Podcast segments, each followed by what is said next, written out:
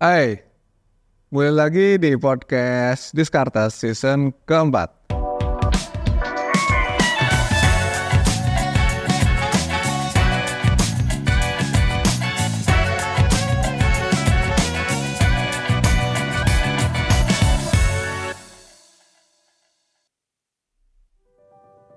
Buat teman-teman semua, podcast Diskartes ini adalah podcast yang ngebahas soal keuangan ya, terutama di bidang pasar modal, investasi, kemudian financial planning, mindset yang berhubungan dengan perduitan.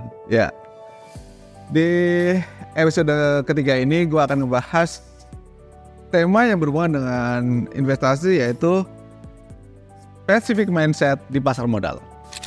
Kenapa gue angkat tema ini? Karena makin banyak investor di pasar modal Indonesia, pasti ada aja yang bertanya-tanya bagaimana mindset yang betul ketika mengarungi pasar modal gitu.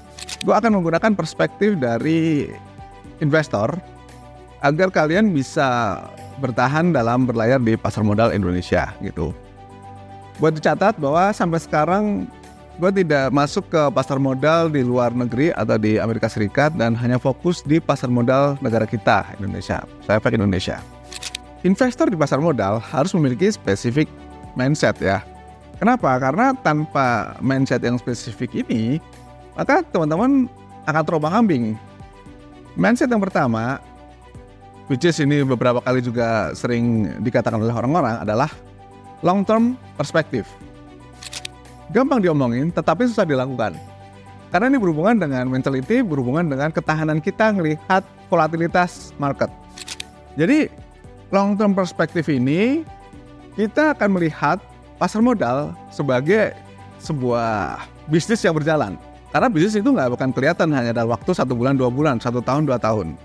Jadi yang kita lihat adalah potensi company dalam beberapa waktu ke depan, beberapa tahun ke depan.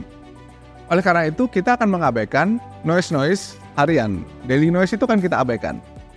Karena kita bermain dalam perspektif yang panjang, maka kita tidak akan fokus pada quick profit.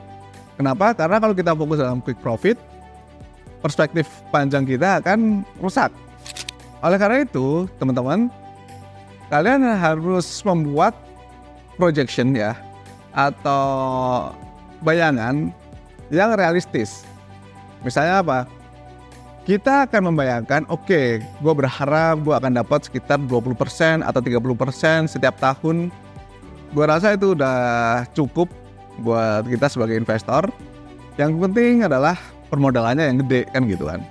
Yang selalu gue tekankan adalah teman-teman fokus terhadap pengumpulan modal yang didapat dari aktif income dulu. Kalau misalnya nih kalian udah dapat 2M, 3M, terus dapat 20%, 30% per tahun, ya itu udah sangat-sangat mencukupi. Specific mindset yang kedua yang mau gue sampaikan adalah research and analysis. Banyak orang yang mengikuti orang lain tanpa memahami alasan keputusan orang lain tersebut.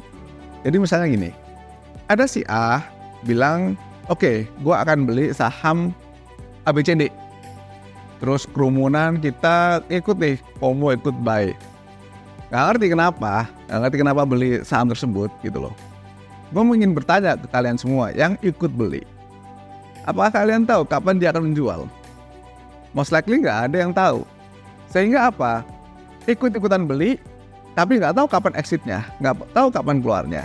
Atau nih ada sosok investor terkenal misalnya. Ketahuan nih dia beli saham misalnya UNTR ya, United Tractor misalnya. Teman-teman pada ikutan beli karena beliau ini sosok yang terkenal contohnya. Karena beliau adalah investor kawakan, bisa nih nahan saham sampai lima tahun. Gue pengen bertanya ke teman-teman yang ngikutin gitu kan, apakah kalian sanggup mengikuti selama lima tahun tersebut? Saham UNTR katakanlah dibawa turun ketika kalian beli di harga 30 ribu misalnya ya. Turun sampai 15 ribu. Turun 50 persen loh itu. Ya beliau santai-santai aja duit masih banyak. Masih dapat dividen dari emiten lainnya.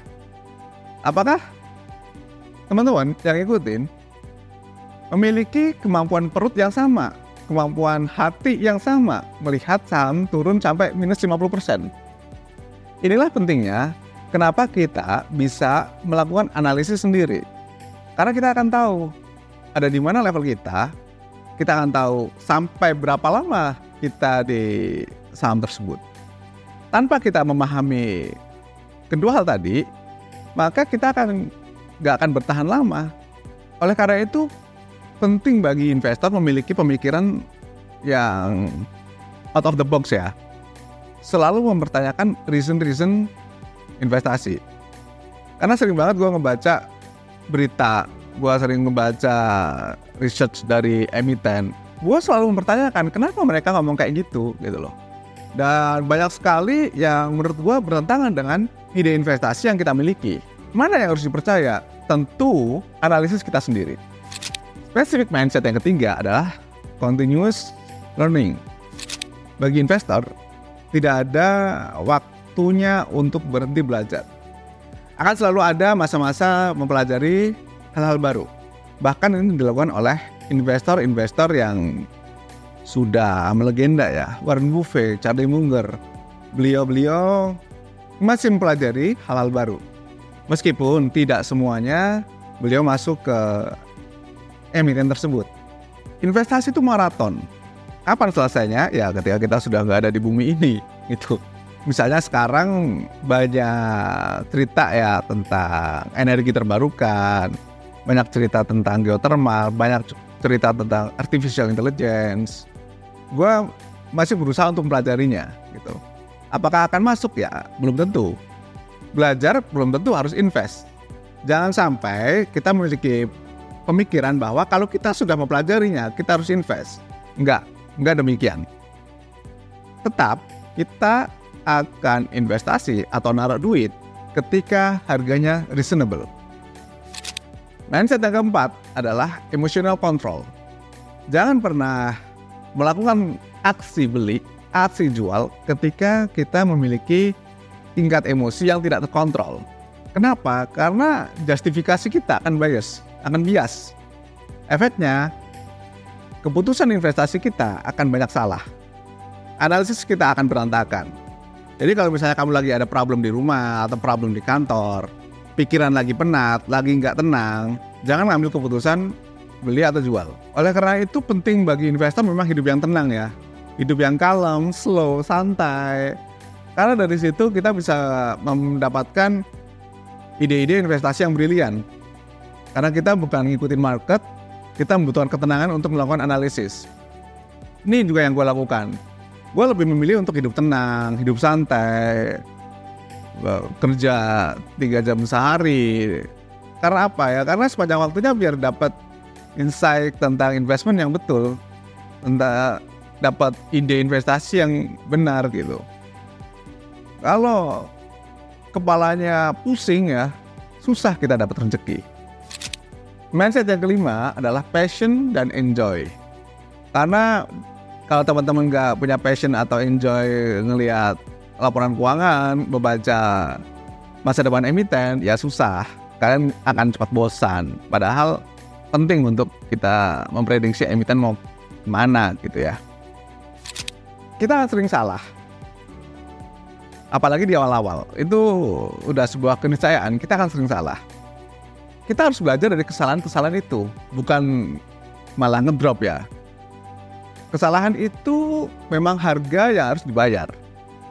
Kita salah ambil saham gorengan yang punya PI, PBV yang gede banget. Karena FOMO kita beli di pucuk terus dibawa jatuh ya itu jadi pembelajaran. Jangan lagi kayak gitu gitu kan. Jangan berpikir investasi itu cuma sebagai alat pencari kekayaan. Karena dari situ gue mendapatkan banyak sekali insight ya terutama bagaimana orang-orang kaya ini berpikir bagaimana bisnis ini bekerja seperti apa ekosistem di Indonesia gitu gua ngerti kenapa bank itu bunganya cuma ngasih sedikit dari mana gue tahu? Ya karena gue investasi.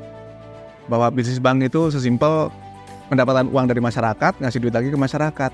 Nah, hal-hal seperti ini tidak gue dapatkan di kampus, tetapi justru dari investasi yang gue lakukan selama satu dekade lebih belakangan ini. Oke, ini dari gua. Mudah-mudahan spesifik mindset ini bisa kalian terapkan dan berguna untuk perjalanan investasi kalian. Sampai jumpa lagi di episode selanjutnya. Thank you and bye.